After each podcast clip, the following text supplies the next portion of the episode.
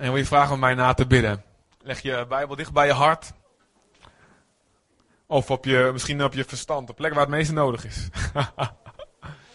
Niet op het hoofd van je buurman. Het gaat over jezelf. Flauw hoor. Ja, hij heeft het nodig hier.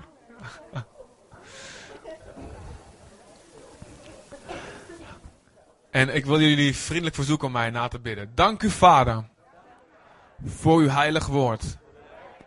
Uw woord is zeven keer gelouterd. Het is perfect. En het bevat alles wat ik nodig heb om veel vrucht te dragen. Om niks te missen van het, uw plan met mijn leven. Zodat ik mijn generatie daarmee kan dienen. Verander mij. Corrigeer mij. Vernieuw mijn denken. Verwijder elke leugen. En kom met uw waarheid. En die zal me vrijmaken. In Jezus' naam. Amen. Amen. Jullie mogen zitten.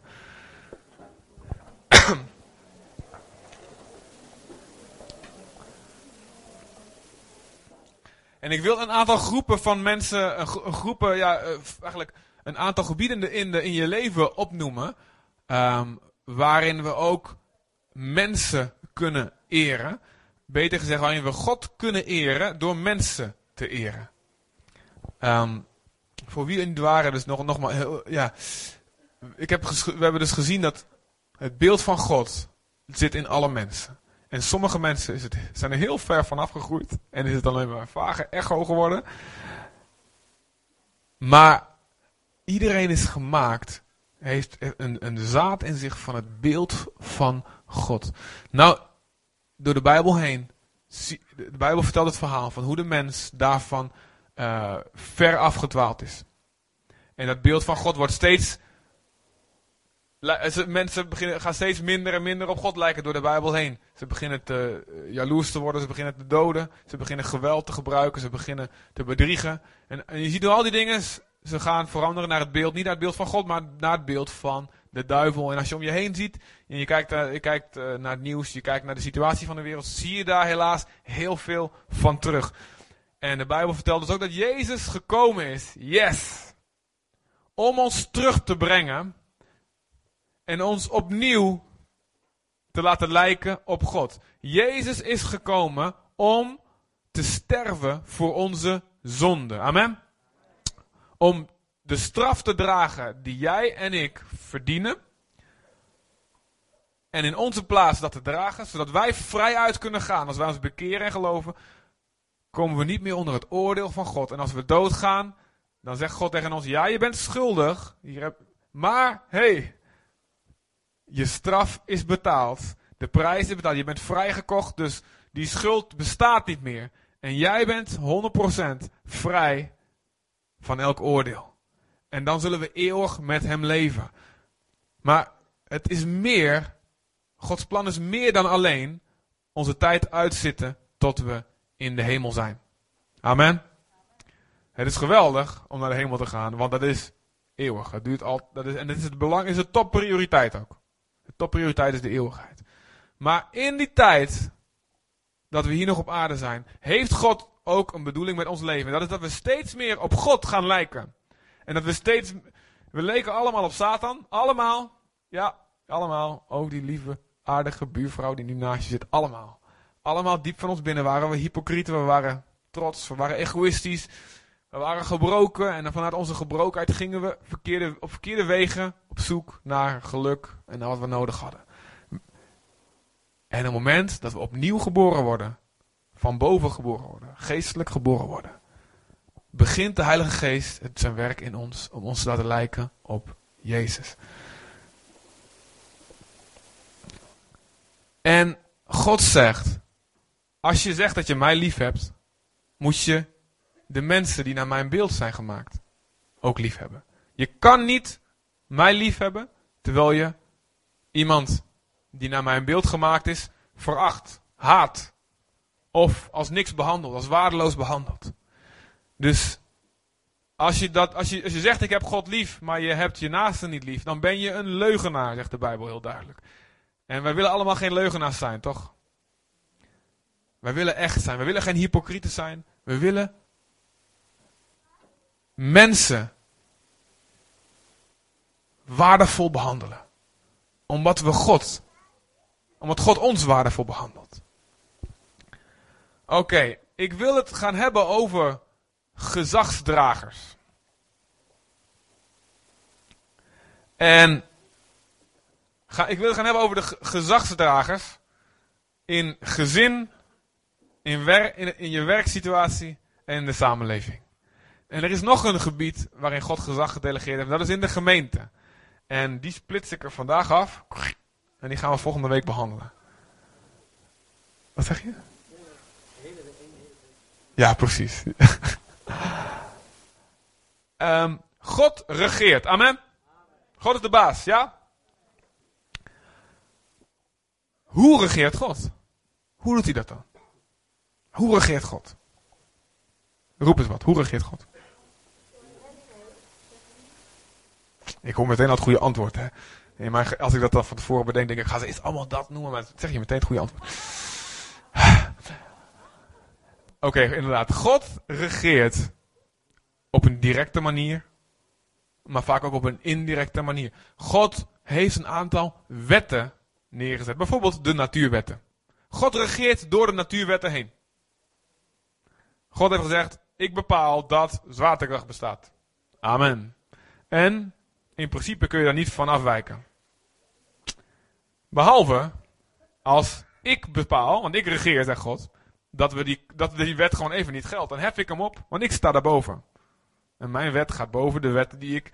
Hem, ik ga boven de wetten die ik heb ingesteld. Vandaar dat het echt kan, de verhalen die je hoort en leest in opwekkingen, dat mensen tijdens het aanbidden een paar meter boven de grond zweven. Dat kan. Dat is gebeurd. Dat is vaak genoeg gebeurd.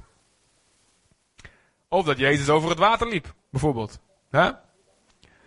God kan zijn eigen wetten eventjes aan de kant zetten. Want hij is de baas. Amen. Maar een andere hele belangrijke manier waarop God regeert is door mensen heen. En dat noemen we met een moeilijk woord gedelegeerd gezag.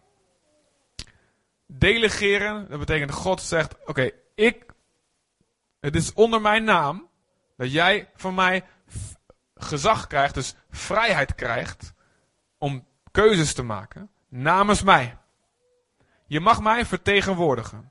Ik vraag je ook rekenschap van de keuzes die je maakt.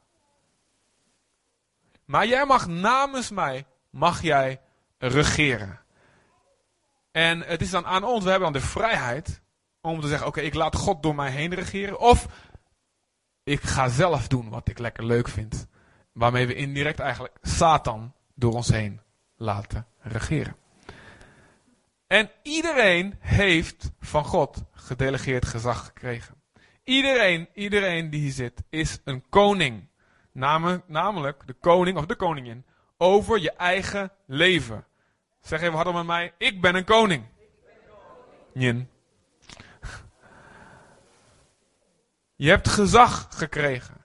En dit wordt ook 100% gemanifesteerd als Jezus terugkomt. Dan zullen we met hem op een troon zitten en met hem als koningen heersen. En Jezus zegt, als je trouw bent over het kleine, dan krijg je gezag zelfs over tien steden. Staat er ergens. Wat dat mag zijn, is een andere preek. Heel veel interessants over te zeggen. Maar je, je hebt van God gedelegeerd gezag over je leven gekregen. God regeert door mensen heen. Mensen die per definitie niet perfect zijn. Dus die nooit 100% het beeld van God laten zien. En zoals God regeert. Maar God is bereid geweest dat risico te nemen. Omdat hij door dat regeren heen ons wil veranderen naar zijn beeld. Hij gebruikt de, dat, het feit dat wij die vrijheid hebben, gebruikt hij om ons op te voeden. Om met ons te wandelen, zodat we hem gaan zoeken. Dat zie je bij Mozes. Mozes krijgt gezag over een heel volk. En um, door al die problemen die hij daar tegenkomt, gaat hij God zoeken. Gaat hij zeggen, God, oh wat moet ik toch doen met dit volk? Ze mopperen en ze doen dit. En uh, oh, nou hebben we geen, hebben ze geen drinken. En dan hebben we geen eten. En dan moeten we dwars door een rode zee in de Farao staat achter ons. God, wat moet ik doen? En doordat hij dus gezag krijgt en hij moet keuzes maken, problemen tegenkomt eigenlijk daardoor. Nou, God had hem ook op een onbewoond eiland kunnen laten zitten en lekker met hem alleen en niks te doen. Alleen een paar kokosnoten te kraken op een dag. Nee, God geeft hem problemen. geeft hem gezag en daardoor komen problemen. En daardoor leert hij God kennen. En zo is het ook met ons. Wij krijgen gezag en we mogen keuzes maken en we komen daardoor problemen tegen. Door die verantwoordelijkheid die we hebben. En door die problemen, als het goed is, gaan we God zoeken. En laat God zichzelf zien op een nieuwe manier. En leren we God kennen. Op een manier die we niet leren kennen als we geen verantwoordelijkheid hebben. Hm. Dus wil je God leren kennen, dan moet je verantwoordelijkheid durven nemen. Wil je God leren kennen in een gemeente bijvoorbeeld, dan is het geweldig dat je komt hier op zondag en dat je geweldig dat je komt in de twaalfgroepen. Maar wil je God meer leren kennen, neem verantwoordelijkheid voor een stukje van het huis. Voor een stukje van het werk van God. Dan leer je God sneller, nog sneller, nog sneller, nog sneller kennen. De afgelopen vier jaar dat wij voorgangers zijn geweest, deze maand is vier jaar geleden. De, wie heeft het meeste geleerd? Wij zelf. Halleluja. Ik, ik, kan het niet helemaal vergelijken. Weet ik niet, misschien heb je nog wel meer geleerd. Maar het, het, lijkt alsof wij wel. Ik heb het idee dat wij. Wij, wij zijn zo gigantisch gegroeid. Omdat we. Ja, God moesten zoeken. En, en oh, God, als hij nou niks doet, dan, ja, dan, dan, dan, dan moet de stekker eruit. Want en dan leer je God op een nieuwe manier kennen. God regeert, God regeert door gedelegeerd gezag heen. En als we ontzag voor God hebben, zullen we ook ontzag hebben voor Gods gezag. Auw. Luister, ik zal jullie vertellen met welke oren jullie als het goed is nu luisteren. Nou, als het goed is niet als het goed is. Maar waarschijnlijk luisteren jullie met Nederlandse oren. Amen. Voel het aan je oor. Zijn ze Nederlands? Sommige zijn Colombiaans. Ja, ene oor is Colombiaans, andere is Nederlands. Huh? Sommige ene, maar ene oor is Indisch, andere oor is Nederlands. Dit oor, dit oor is Oost-Indisch doof. Dit is gewoon Hollands. Surinaamse oren, wat hebben we nog meer allemaal? Afrikaanse oren, Filipijnse oren. Um, Nederland is door een geschiedenis heen gegaan onze voorouders, waardoor wij op een bepaalde manier kijken naar gezag. Als wij denken aan het woord leiderschap, aan het woord gezag, aan het woord autoriteit, dan komt een soort collectief geheugen in ons, staat op en die, dat koppelt daar allemaal dingen aan. En een van die dingen is, en ik zou heel veel kunnen uitleggen, maar dat doe ik nou niet, is uh, dat eh, de, in de 20e eeuw gezag heel veel aan kracht heeft ingeboet. En dat uitte zich uh, uh, voor het eerst eigenlijk op een massale manier. Nou ja, niet voor het eerst. Maar onder andere op een bekende manier. Tijdens de hippiebeweging in die tijd. Dat het was alles wat gezag is, daar schoppen we tegenaan. Nou dat heeft zich doorgezet tot nu toe eigenlijk. En het, wat er gebeurt is dat we daardoor um, kijken naar gezag als iets van, ach, dat had ik net zo goed zelf ook kunnen doen. Ik had, als ik minister-president was, dan wist ik het wel. En je moet niet denken dat je meer bent dan wij, Balkenende, want uh, ik heb wij hebben jou gekozen en we kunnen je ook zo weer eruit zetten. En, oh, een politieagent, vroeger als je die boekjes leest van vroeger, hè, uh, van die kind, Dick Trom en zo. Ja, nee, Dick Trom is misschien geen goed voorbeeld. Wanneer Bromsnor of zo komt erin. Laten we zeggen, als je van die hele andere oude boekjes leest, dan is oh, meneer agent en zo, allemaal respect, weet je wel, meneer agent. En terwijl nu is het, hé, hey, hey, de Wouter. Als het, vroeger was het, meneer schoolmeester, u, dit en dat, hè, u werd er gezegd. En nu is het, hé hey, Willem, ik, hey, niet zoveel huiswerk geven deze week, hè. En uh, als je over de grens gaat naar Vlaanderen, dan zie je een heel andere houding, in Duitsland ook, zie je een andere houding naar bijvoorbeeld in de klas. Dus er is iets gebeurd in Nederland en ook in andere landen ook, maar met gezag. Een uiting daarvan is, uh, nu in de, eh, in de Rooms-Katholieke Kerk, wat er allemaal naar boven komt. Um, yes, weer een kans om het gezag het laatste stukje gezag wat ze misschien nog hebben om ver te trappen. Dus laten we zoeken naar nog meer fouten. Laten we zoeken welke bisschop er nog meer uh, dingen niet goed heeft aangepakt. Misschien de paus ook wel. En ze zoeken naar manieren om ze onderuit te trappen. Is dit de manier hoe God wil dat we met gezag omgaan? Zelfs als we fouten maken. Is de manier zoals in Nederland met gezag wordt omgegaan? Politieagenten of schoolmeesters of politici of wat dan ook. Of werkgevers. Is dat de manier zoals God dat wil? Vaak niet. Dus dat betekent, wij moeten ons denken vernieuwen. Wij moeten ons denken vernieuwen. In Titus 3 staat iets heel erg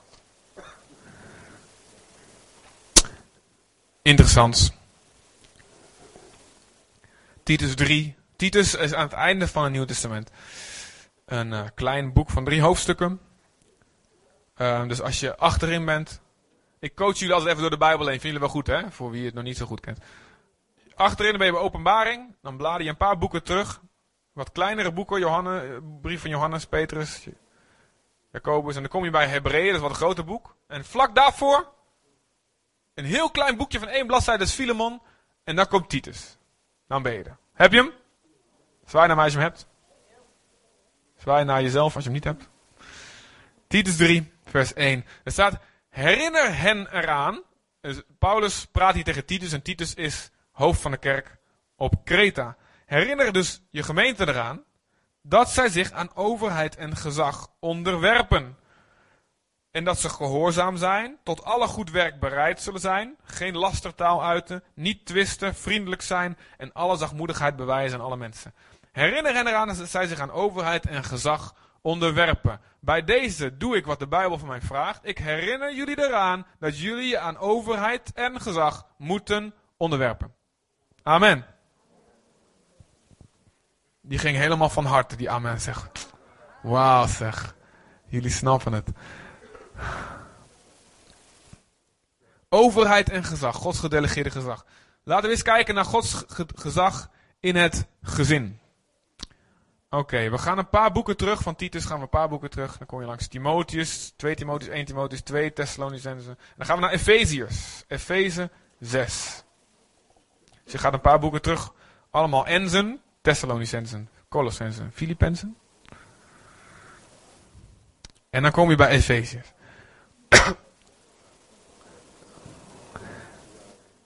Hoofdstuk 6, vers 1. Kinderen, wees jullie ouders gehoorzaam in de Heer, want dat is recht. Hoeveel kinderen zitten hier vandaag? dat was een strikvraag natuurlijk. Iedereen is een kind iedereen, van iemand. Maar sommigen van ons hebben geen ouders meer, of nog maar eentje, of wonen niet meer thuis. Kinderen. Oh, dit is niet leuk, jongens. Waarom moet deze tekst dan weer komen vandaag? Wees uw ouders gehoorzaam, want dat is recht. Dan staat er in de MBG, staat er in de Heer bij, tussen vierkante haakjes. En die vierkante haakjes betekenen, waarschijnlijk komt dit niet in het origineel voor. Niet, niet 100% zeker, maar er is een kans dat dit niet in de originele brief voorkwam, maar dat dit later erbij geschreven is. Op een of andere manier. In ieder geval dat het een debat over is of het echt is of niet. Het kan wel. Daarom staat er vierkante haakjes. Eer uw vader en uw moeder. Dit is immers het eerste gebod met een belofte, opdat het u wel gaat en je lang leeft op de aarde. Oké, vader en moeder hebben gezag gekregen over kinderen. Gedelegeerd gezag van God. vaders en moeders, jullie hebben gezag over je kinderen, een verantwoordelijkheid over je kinderen. En God zal jullie rekenschap vragen, God zal ons rekenschap vragen over hoe we omgaan met onze kinderen. En wij moeten onze kinderen eren en ze zien als volwaardige personen die, we, die, we, die God ons toevertrouwd heeft. Om te leiden, om hun te leiden dat ze Jezus zullen ontmoeten en zo in een volle bestemming zullen komen. We zijn niet geroepen om per se altijd hun vriendjes te zijn. Om doen wat, ze, wat, wat zij graag verlangen. Anders eten we elke dag patat en pannenkoeken. En dat is niet goed voor ze. Dus wij moeten niet doen wat zij graag, wat zij denken wat ze nodig hebben. Maar wat wij geloven. wat ze nodig hebben. Wij hebben een verantwoordelijkheid over onze kinderen. En er staan ook dingen voor vaders en moeders. Er staat vaders, prikkel je kinderen niet, hè, opdat ze niet moedeloos worden. Er staan oproepen eh, voor ouders om je kinderen niet uh, te slap aan te pakken, maar ze op te voeden met tucht, als het ware. Naar je beste weten. En we hebben daar dus een verantwoordelijkheid van God gekregen. En die moeten we heel serieus nemen. En andersom, als kinderen, hebben wij van God de opdracht gekregen om ons te onderwerpen aan onze ouders. En of het nou tussen haakjes staat of niet, natuurlijk is dat in de Heer. Want als je ouders niet geloven en ze vragen je van je dingen te doen die tegen het woord van God ingaan, dan geldt de wet. Je moet je, ouder, je, moet, je je ouders, je moet God meer gehoorzamen dan mensen. Maar wat je sowieso altijd moet doen, is ze eren. Wat ze ook zeggen. Eer je vader en je moeder. En God geeft zelfs een belofte bij, opdat het je goed zal gaan en omdat je niet voor je tijd zal sterven. Een specifieke belofte wordt nog een keer herhaald. Dit is de belofte die ik je geef als je je vader en moeder eert. Eren. Dus dat betekent respectvol over ze spreken. Respectvol naar ze spreken. Zelfs als je het niet met ze eens bent. En ik heb heel veel lessen hierin moeten leren. Ah, heel veel lessen. Want uh, ik kan nogal eigenwijs zijn. En uh, mijn ouders en vooral mijn vader, die kan ook een beetje af en toe de vuist op tafel. En uh, zeker vlak voor ik ging trouwen, zeg maar, dan word, je, word je ouder en ouder. En ik woonde tot mijn 23e, dus thuis, tot mijn trouwen. En toen werd het steeds moeilijker en moeilijker als het ware om uh, knarsetandend me te onderwerpen aan dingen waarvan ik dacht, nou, ik heb gewoon een andere mening. Ik was eigenlijk klaar om mijn eigen gezin te stichten. En ik heb gewoon even geleerd, je moet je vader eren. Eren, eren. En als hij iets, uh, dat ik één keer heb gehad, dat hij echt me, ja, mijn vader heeft echt geweldige, goede dingen altijd, gedaan. Echt, en ik ben heel dankbaar. Um, en hoeft niet in geloof te zijn, dus echt, echt dankbaar. Hij heeft heel goed gedaan, mijn ouders hebben heel goed gedaan. Maar één keer zat hij er echt naast. En toen werd ik heel boos. En toen zei ik van, oh, wat, ik teruggaan, teruggaan. Dingen eruit gaan flappen. En toen ging ik buiten wandelen en ik zei even het stoom afblazen. En ik ging lopen en ik zei, oh heren. Oké, oké, ik, weet wel, ik weet wel wat u gaat zeggen, maar laat me maar even, laat me maar even, laat me even.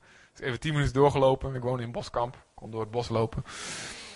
En, um, en toen zei God, oké, ik wil dat je terug gaat, ik wil dat je vergeving vraagt voor wat jij gezegd hebt. Maar God, hij, is begonnen. Ik had echt gelijk, ik had echt een goede reden.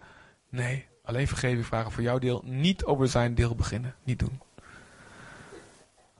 Oké, is goed. Nou, ik had nog even tien minuten nodig om, om mezelf daartoe te, klaar te maken. En dan kwam ik binnen en ik zeg, pa, vergeef me, weet je wel, vergeef me dat, dat ik, ik heb verkeerd gereageerd en ik had het niet moeten zeggen en dit en dat. En dan had ik verwacht, dan gaat hij ook zeggen, ja, sorry ook, wat was mijn schuld en zo.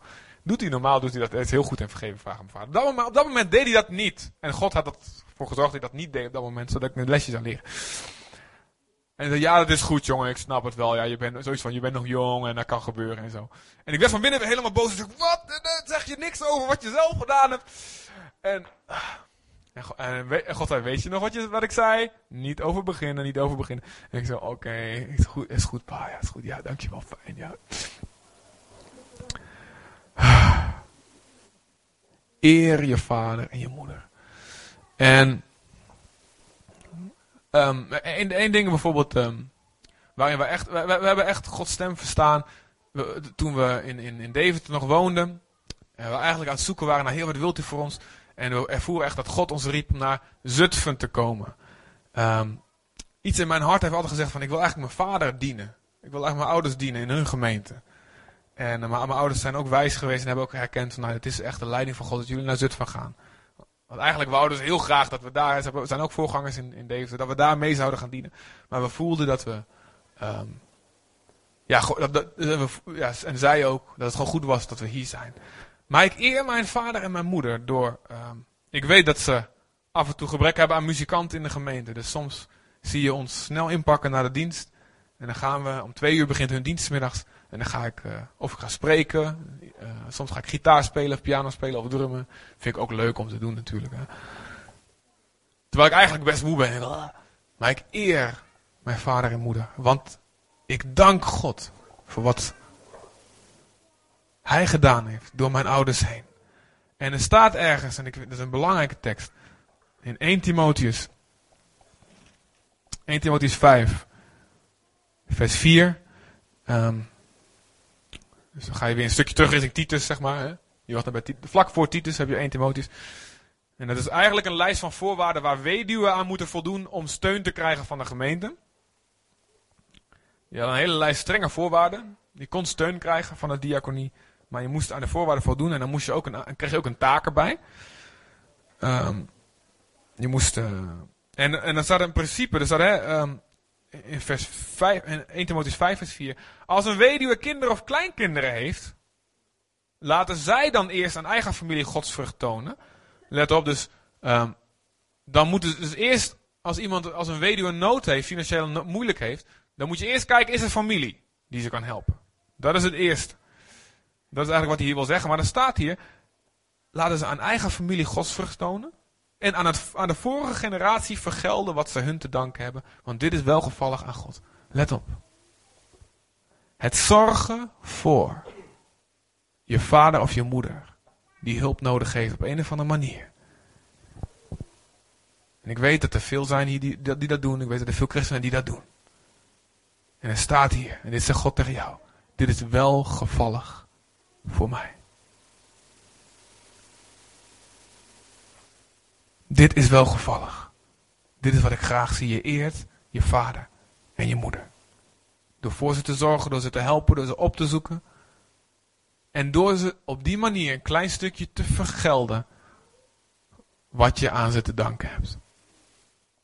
Amen. Is, God vindt dat geweldig als je dat doet. En zelfs als je moet kiezen tussen iets doen, misschien een avond bijwonen in de gemeente. Hey, wat je absoluut moet doen, hè? Absoluut moet doen. Maar stel, je komt in de uitzonderlijke situatie, je moet kiezen tussen zorgen voor je vader en voor je moeder en naar die gebedsavond gaan. Dan denk ik, het best wel zou kunnen dat God zegt, ga maar lekker je vader en moeder eren. En ik beschouw het als gebed. Ik tel het als gebed. Dit is welgevallig voor God. Dankbaar zijn, dankbaar zijn, eren. Je vorige generaties eren. Amen. Nou, in het gezin heb je nog een andere relatie. Dat is man- en vrouw relatie. In 1 Petrus 3 vers 7. Als je dan eventjes verder bladert. Dan sla je Titus en Hebreeën sla je over. En dan kom je bij onze vriend en de broer van Jezus Jacobus. En dan kom je bij 1 Petrus. En daar staat.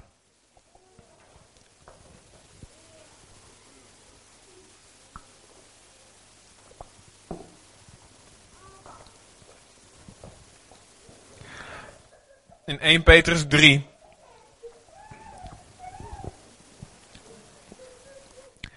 Evenzo jullie vrouwen Wees jullie mannen onderdanig. En let op wat er gebeurt als je het woord onderdanig hoort. Wat gebeurt er in je hoofd? Wat gebeurt er in je cultuur? Wat gebeurt er? Onderdanig, wat zie je voor je? Een kruipende slaaf op zijn knieën. Hè? Of zo. En dat, zo is het ook precies bedoeld. Nee, grapje. niet, helemaal niet waar. Maar let op, hè, we hebben een koppeling aan met een bepaald woord. Heeft ook te maken met hoe het vertaald is. Dit is in de jaren 50 vertaald. Toen dachten ze misschien nog minder gekke dingen bij dat woord. Maar waar het eigenlijk om gaat is, schik je, pas je aan. En erken het gezag. Dat God heeft gegeven aan de man. In het koninkrijk van God is het zo. Dat in de wereld, ik zal, in de wereld is het zo. De sterke, het recht van de sterkste. De sterke wint en de zwakke moeten de sterke dienen, toch? En het heeft Darwin ons goed geleerd. Het recht van de sterkste. En wie de grootste mond heeft, krijgt het meeste geld. En de meeste respect. Jezus zegt, laat het bij jullie niet zo zijn. In het koninkrijk van God is het andersom. De sterke is geroepen om de zwakke te dienen. Amen. De man is sterker dan de vrouw, lichamelijk gesproken. Toch? Laat je spierballen zien, mannen. Kom op. Oeh, doe even zo'n geluid erbij. Kom on. Even serieus. Oeh.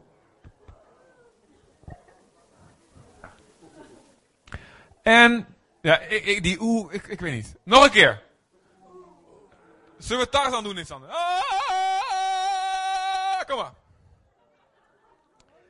Een beetje, ja, ze doen het niet goed, hè? Ze onderwerpen zich niet aan mij.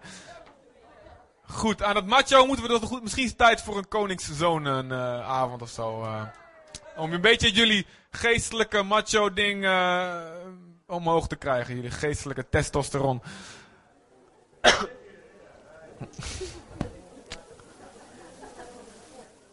Ze zijn getemd, hè? een beetje. Ken jullie reclame van Bavaria of zo? Zitten ze allemaal, zitten de mannen zitten ze bij de kapper en zo. En dan zitten ze hun nagels laten doen en, achter de tv. En één keer uh, staan ze op en dan gaan ze dwars door het bos. En dan duwen ze boom aan de kant. Uh, worden ze vies en dan gaan ze allemaal naar het café. Maar eigenlijk moeten ze naar de kerk gaan natuurlijk.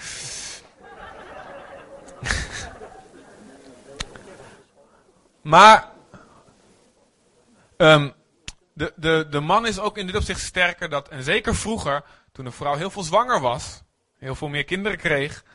Um, en gewoon een hele periode van haar leven heel erg kwetsbaar was. Door zwangerschap, kinderen, borstvoeding um, en hormonale wisselingen, ook elke maand. Ook elke maand. En daarom heeft God de man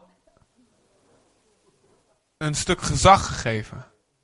Om zijn vrouw te beschermen en te dienen. That's it. Dank u wel, vader. Meer in die hoek, vader. Shokoramabasa.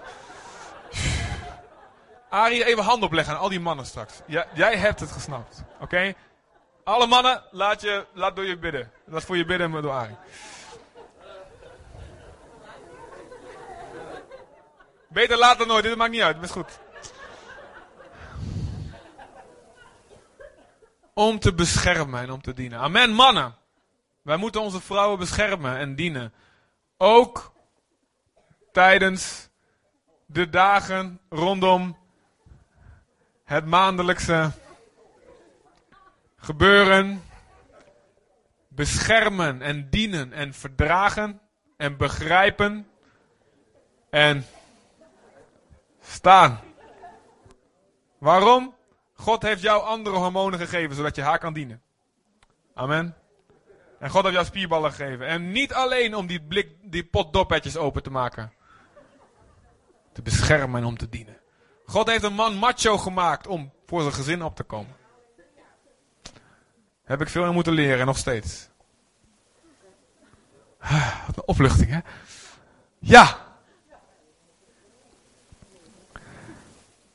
Let op. nu de vrouw. nee, de vrouw gaan we niet over hebben vandaag. Dat gaan we gewoon. Luister. Evenzo, jullie vrouwen, wees je man onderdanig, opdat ook indien sommigen aan het woord niet gehoorzaam zijn, dus als sommigen niet gelovig zijn, als je een ongelovige man hebt, vrouwen met een ongelovige man gaat het hier over, dat zij door de wandel van hun vrouwen zonder woorden gewonnen worden. Let op, dus je mag wel af en toe getuigen, maar het niet zo zijn dat je elke dag een preek afsteekt. Vandaag heeft mijn voorganger in de kerk, heeft dit aan de hele preek, bam.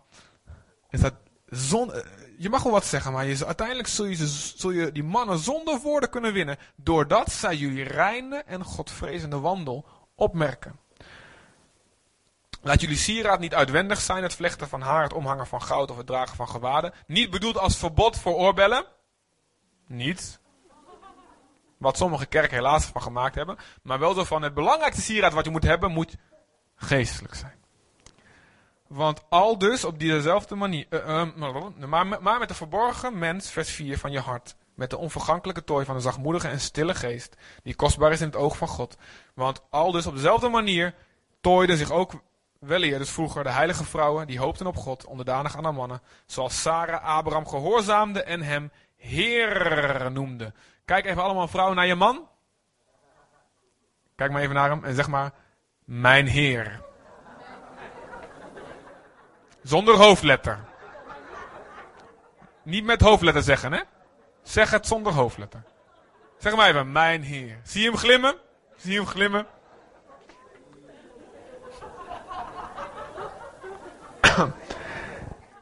en haar dochter, Sarah's dochter, zijn jullie als je goed doen en u geen strik laat aanjagen. Desgelijks op dezelfde manier. Jullie mannen, leef verstandig met je vrouwen. Als met brozer vaatwerk. Mannen, kijk allemaal naar je vrouw. En zeg, mijn teerporseleinen kopje. Mijn teerporseleinen Zeg het, ik wil het horen. Ik wil die bromstemmen horen. Kom op.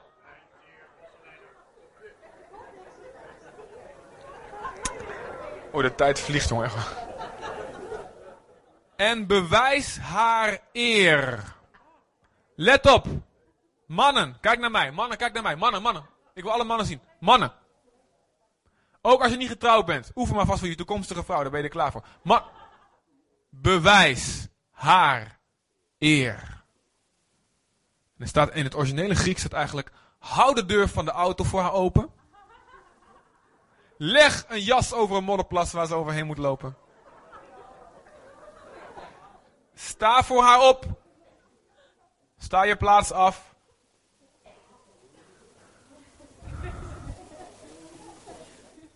Bewijs haar eer. Omdat ze mede-erfgenamen zijn van de genade van het leven. Opdat jullie gebeden niet belemmerd worden. Als je niet goed omgaat met je vrouw, mannen, luistert God niet naar je gebed. Heb je dat gehoord?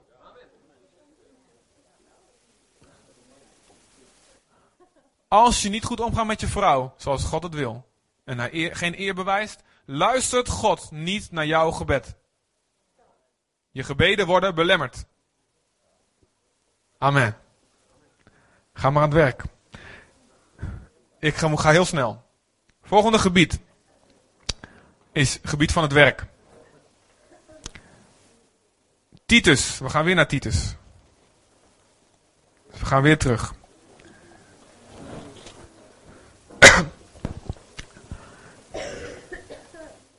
En dan gaan we naar Titus 2.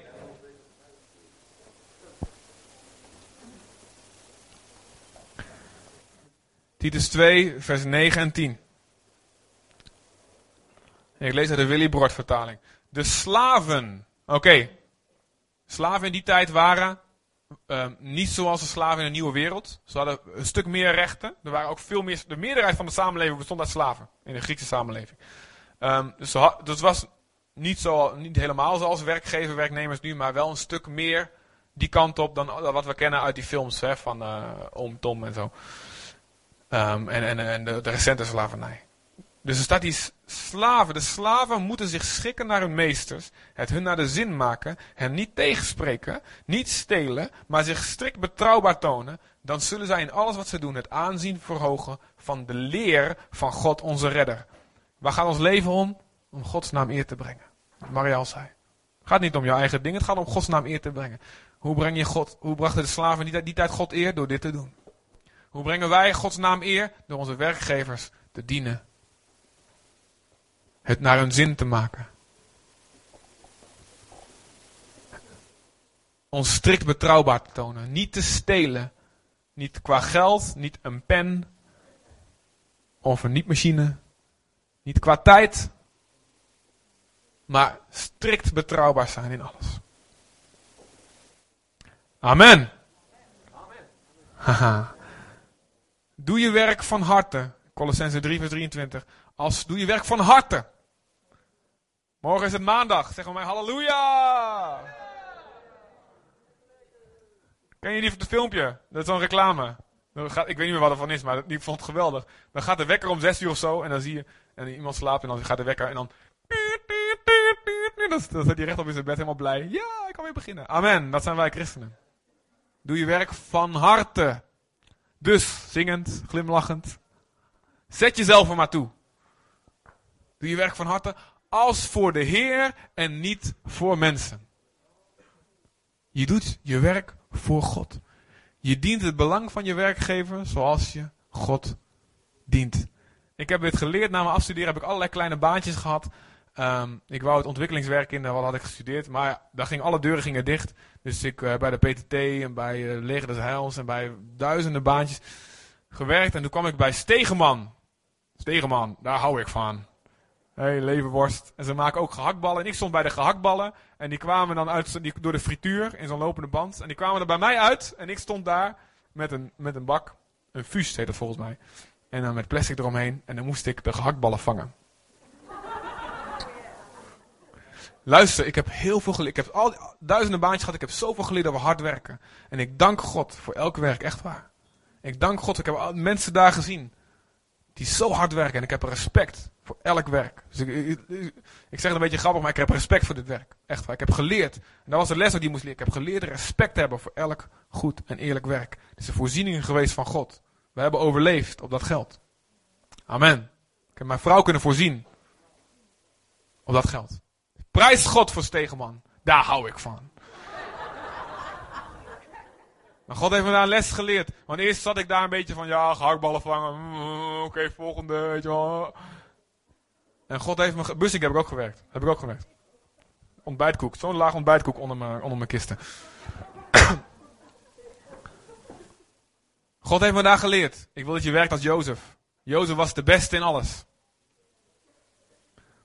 Want ik dacht, Heer, ik wil voor u iets doen. Ik wil, voor u, ik wil in uw koninkrijk werken. God zei nee. Jozef. Jozef was de beste slaaf. En hij werd gepromoveerd. En Potifar hoeft zich nergens mee te bemoeien. Alleen met het brood wat hij at. Hij vertrouwde hem zo. En daarna onrechtvaardig behandeld. Gevangenis in. Werd de beste gevangene. Werd hij de baas van de gevangenen. En God zegt, word maar de beste gehaktballenvanger van de hele wereld. Dus ik ben de beste gehaktballenvanger gaan worden. Want in die tijd dat, dat ding zich vulde, normaal ging ik die tijd uitzitten. Gewoon wachten tot er 10 kilo in zat. Mm, een beetje rondkijken. En in de tussentijd, gewoon heel simpel hè. Niemand heeft, ik weet niet, mijn baas heeft volgens mij niet eens gezien. Maar in de tussentijd ging ik, terwijl die ballen erin in zitten, ging ik do dozen voor anderen klaarmaken. Ging ik dingen stapelen. Ging ik dozen opruimen, weet ik wat allemaal. En een maand later werd ik op de tot halleluja. De koninkrijk van God. Tot goede plekken om te werken. En daar heb ik geleerd, daar hoorde ik onderwijs van Wilken over wapendrager zijn. En ik heb geleerd wat het is. Ik heb Gerard gezien, ik heb Gerard Hobemans visie gezien. En ik heb gezegd, die man ga ik dienen. En ik ga hem beschermen. En ook als hij fouten maakt, ga ik hem rugdekking geven. En ik ga me met alles... Die man, echt, die man is losgekomen, joh. Ik kom echt vet. Oeh.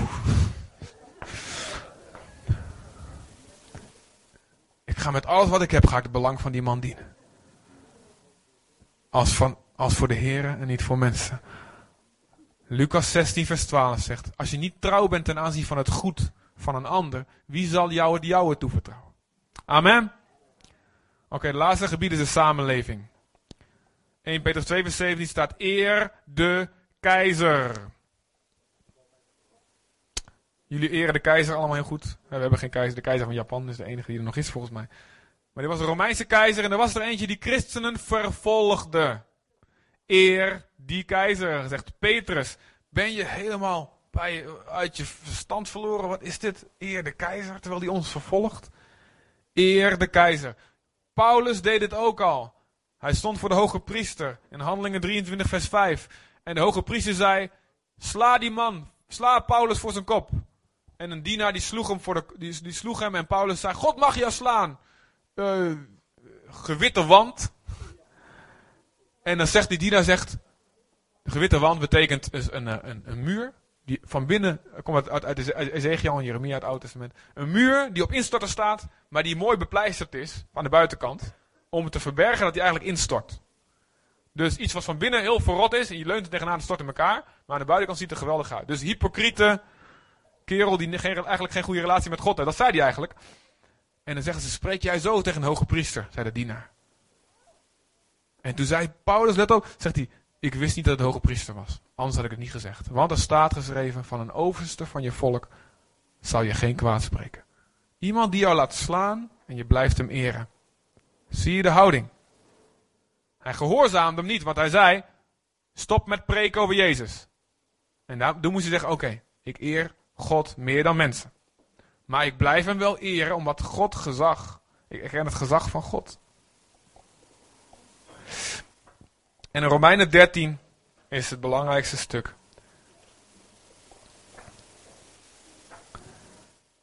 Ieder mens, Romeinen 13, ieder mens moet zich onderwerpen aan de overheden die boven hem staan.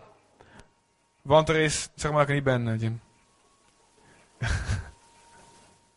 ieder mens moet zich onderwerpen aan de overheden die er staan. De overheden die boven hem staan. Want er is geen overheid dan door God. Wie zich dus tegen de overheid verzet, weerstaat de instelling van God. En wie dit doen, zullen een oordeel over zich brengen. Want als iemand goed handelt, hoeft hij niet bevreesd te zijn voor de overheidspersonen. Maar wel als, je, als hij verkeerd handelt. Als je 110 rijdt op een weg van 80, moet je bang zijn voor de flitspaal en voor de politiemotor. Heel simpel. Wil je zonder vrees voor de overheid zijn, doe het goede en je zal lof van haar ontvangen. Zij staat immers in dienst van God u ten goede. Maar als je kwaad doet, wees dan bevreesd. Want ze draagt het zwaard niet te vergeefs. De politie draagt zijn ME-knuppeltje niet te vergeefs. En de boete niet te vergeefs. Zij staat immers in de dienst van God. Ook de ongelovige politieagenten en politici. En ministers. En minister Plasterk die 100% atheïst is. Zonder dat hij het wil en weet, staat hij in dienst van God. Amen. Als toornende wreekster, die, voor hem die kwaad bedrijft. Daarom is het nodig zich te onderwerpen. Niet alleen om de toorn, niet alleen voor de straf, maar ook omwille van je geweten. En daarom brengen jullie toch ook belastingen op. Want zij zijn dienaren van God, die juist op dit punt voortdurend letten. Betaal dus aan allen het verschuldigde. Belasting aan wie belasting. Tol aan wie tol. Ontzag aan wie ontzag. En eerbetoon aan wie eer toekomt. De overheid staat in dienst van God. Wie moppert er wel eens over de belasting? Dit jaar niet. Wij dit jaar wel. Maar. Ben je, wie is wel eens. Ik ben, ik, ben, ik ben veel in derde wereldlanden geweest. En heb ik gezien wat er gebeurt als mensen belasting ontduiken of er veel corruptie is. Of als er wel belasting binnenkomt, maar er wordt niet goed besteed. En ga daar eens op een snelweg rijden. Ga daar eens van de ene stad naar een andere stad rijden. En de gaten die springen je om je oren, echt waar. Ik ben in Nicaragua geweest, echt is niet normaal. Een hoofdweg. De Panamericana, dus die van heel, door heel Amerika loopt. Jongen, nou echt. Soms zak je een meter de grond in, knal, bam, bam. Prijs God voor belasting. Amen. Wat zegt hij nou?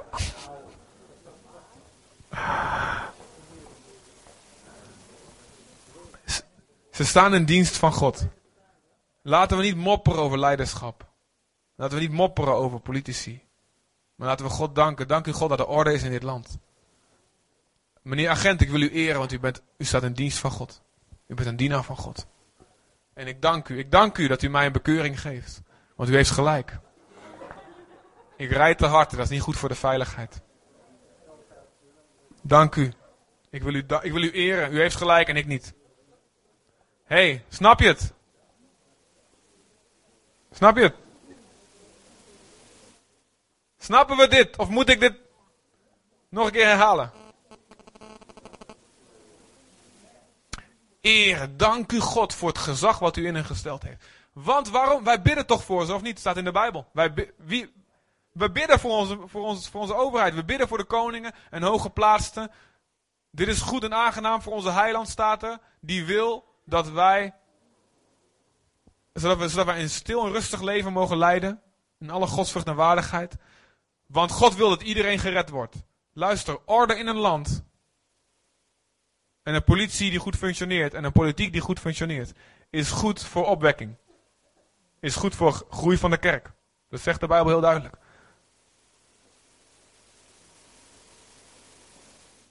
Dus wij bidden voor de hoge plaatsen. En daarom vertrouwen we God. Dus een uiting van geloof. Dat wij ons dan onderwerpen aan die politieagent.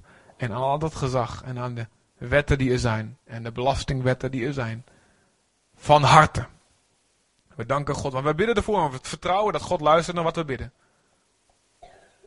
En dat hij door die wetten en overheidsdienaren heen zijn wil volvoert, zodat de kerk gezegend gaat worden. En er was als, als laatste zal ik een verhaal vertellen van een kerk. Er was een kerk in Amerika. En ze mopperden altijd over de belasting. Ze mopperden altijd over de belasting. En een gegeven moment werd de voorganger er wat helemaal ziek van. Dus het zat van, sorry. En hij stapte naar de burgemeester. En hij zei: Wat is jullie grootste nood? Wat is de grootste nood die wij kunnen hebben? Die jullie, die jullie hebben? En die mensen die schrokken ervan, dat was een rare vraag. Nou, na een tijdje zeiden ze: Oké, wij hebben eh, de brandweer, die heeft nieuwe ehm, van die maskers nodig. En we hebben daar geen geld voor. Kost 25.000 euro.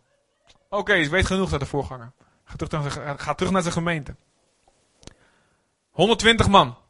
En de kerk, die stond jarenlang, bleef stilstaan op 120 man. Eh, groeide niet. En hij, zei, en hij heeft ze een reprimandepreek gegeven.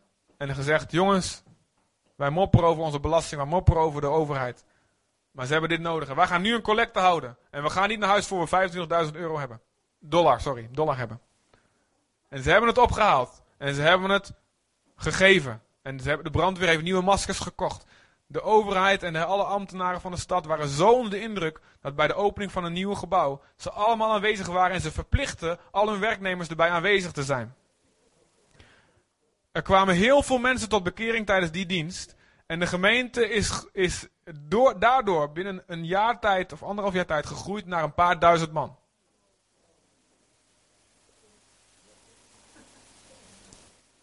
Amen. Ik ga in een gesprek uh, met de burgemeester en wethouders van Zutphen. Dit is geen grapje. Dit is geen grapje. Dit is geen grapje. Ik zit in het uh, de convent van priesters en pastores. Samen met wat andere kerken, ook wat de PKN en katholieke kerk en, en, de christelijke gemeente, dat soort. En uh, ik ga in het beraad dat we overleg heeft met de burgemeester en wethouders. In ieder geval voor een jaar ga ik dat doen. En eens kijken. Eens um, contact gaan bouwen. Samen met twee anderen, als vertegenwoordigers van die groep. Amen. Bid voor de overheid. We gaan staan. Ik heb genoeg gezegd.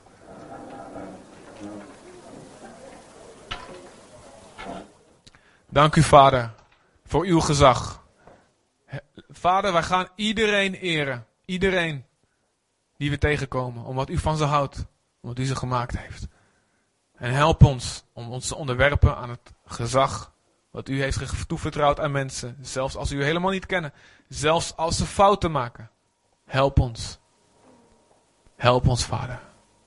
Wij onderwerpen ons van harte. Maar help ons, help ons, help ons. Help ons te herkennen wanneer we moeten veranderen. Laat alle rebellie uit ons verdwijnen in Jezus' naam. Alle ongezeggelijkheid, alle opstandigheid en eigen wijsheid en laat ons nederig en zachtmoedig zijn. En leer ons maar, Vader. Leer ons, Heer. Want dan, Heer, zal de naam van Jezus verhoogd worden door iedereen die ons leven ziet en die ziet dat we totaal anders zijn dan wat we Jezus hebben leren kennen. Amen. Amen. Wees gezegend. In Jezus' naam. Volgende week gaan we hiermee verder. De muziek, jullie mogen nog een nummer spelen, lijkt me leuk. Maar als je koffie wil drinken, het is laat al geworden. Ik wil wel iedereen vragen om zich even aan mij te onderwerpen. Ik zeg dat alle Bereanen even wat mensen moeten opzoeken die ze nog niet kennen. En onze gasten welkom, extra welkom, moeten heten. Amen. God zegen. Als jullie voor gebed willen komen, kan dat altijd. Niemand mag naar huis zonder te weten dat God 100% aan jouw kant staat.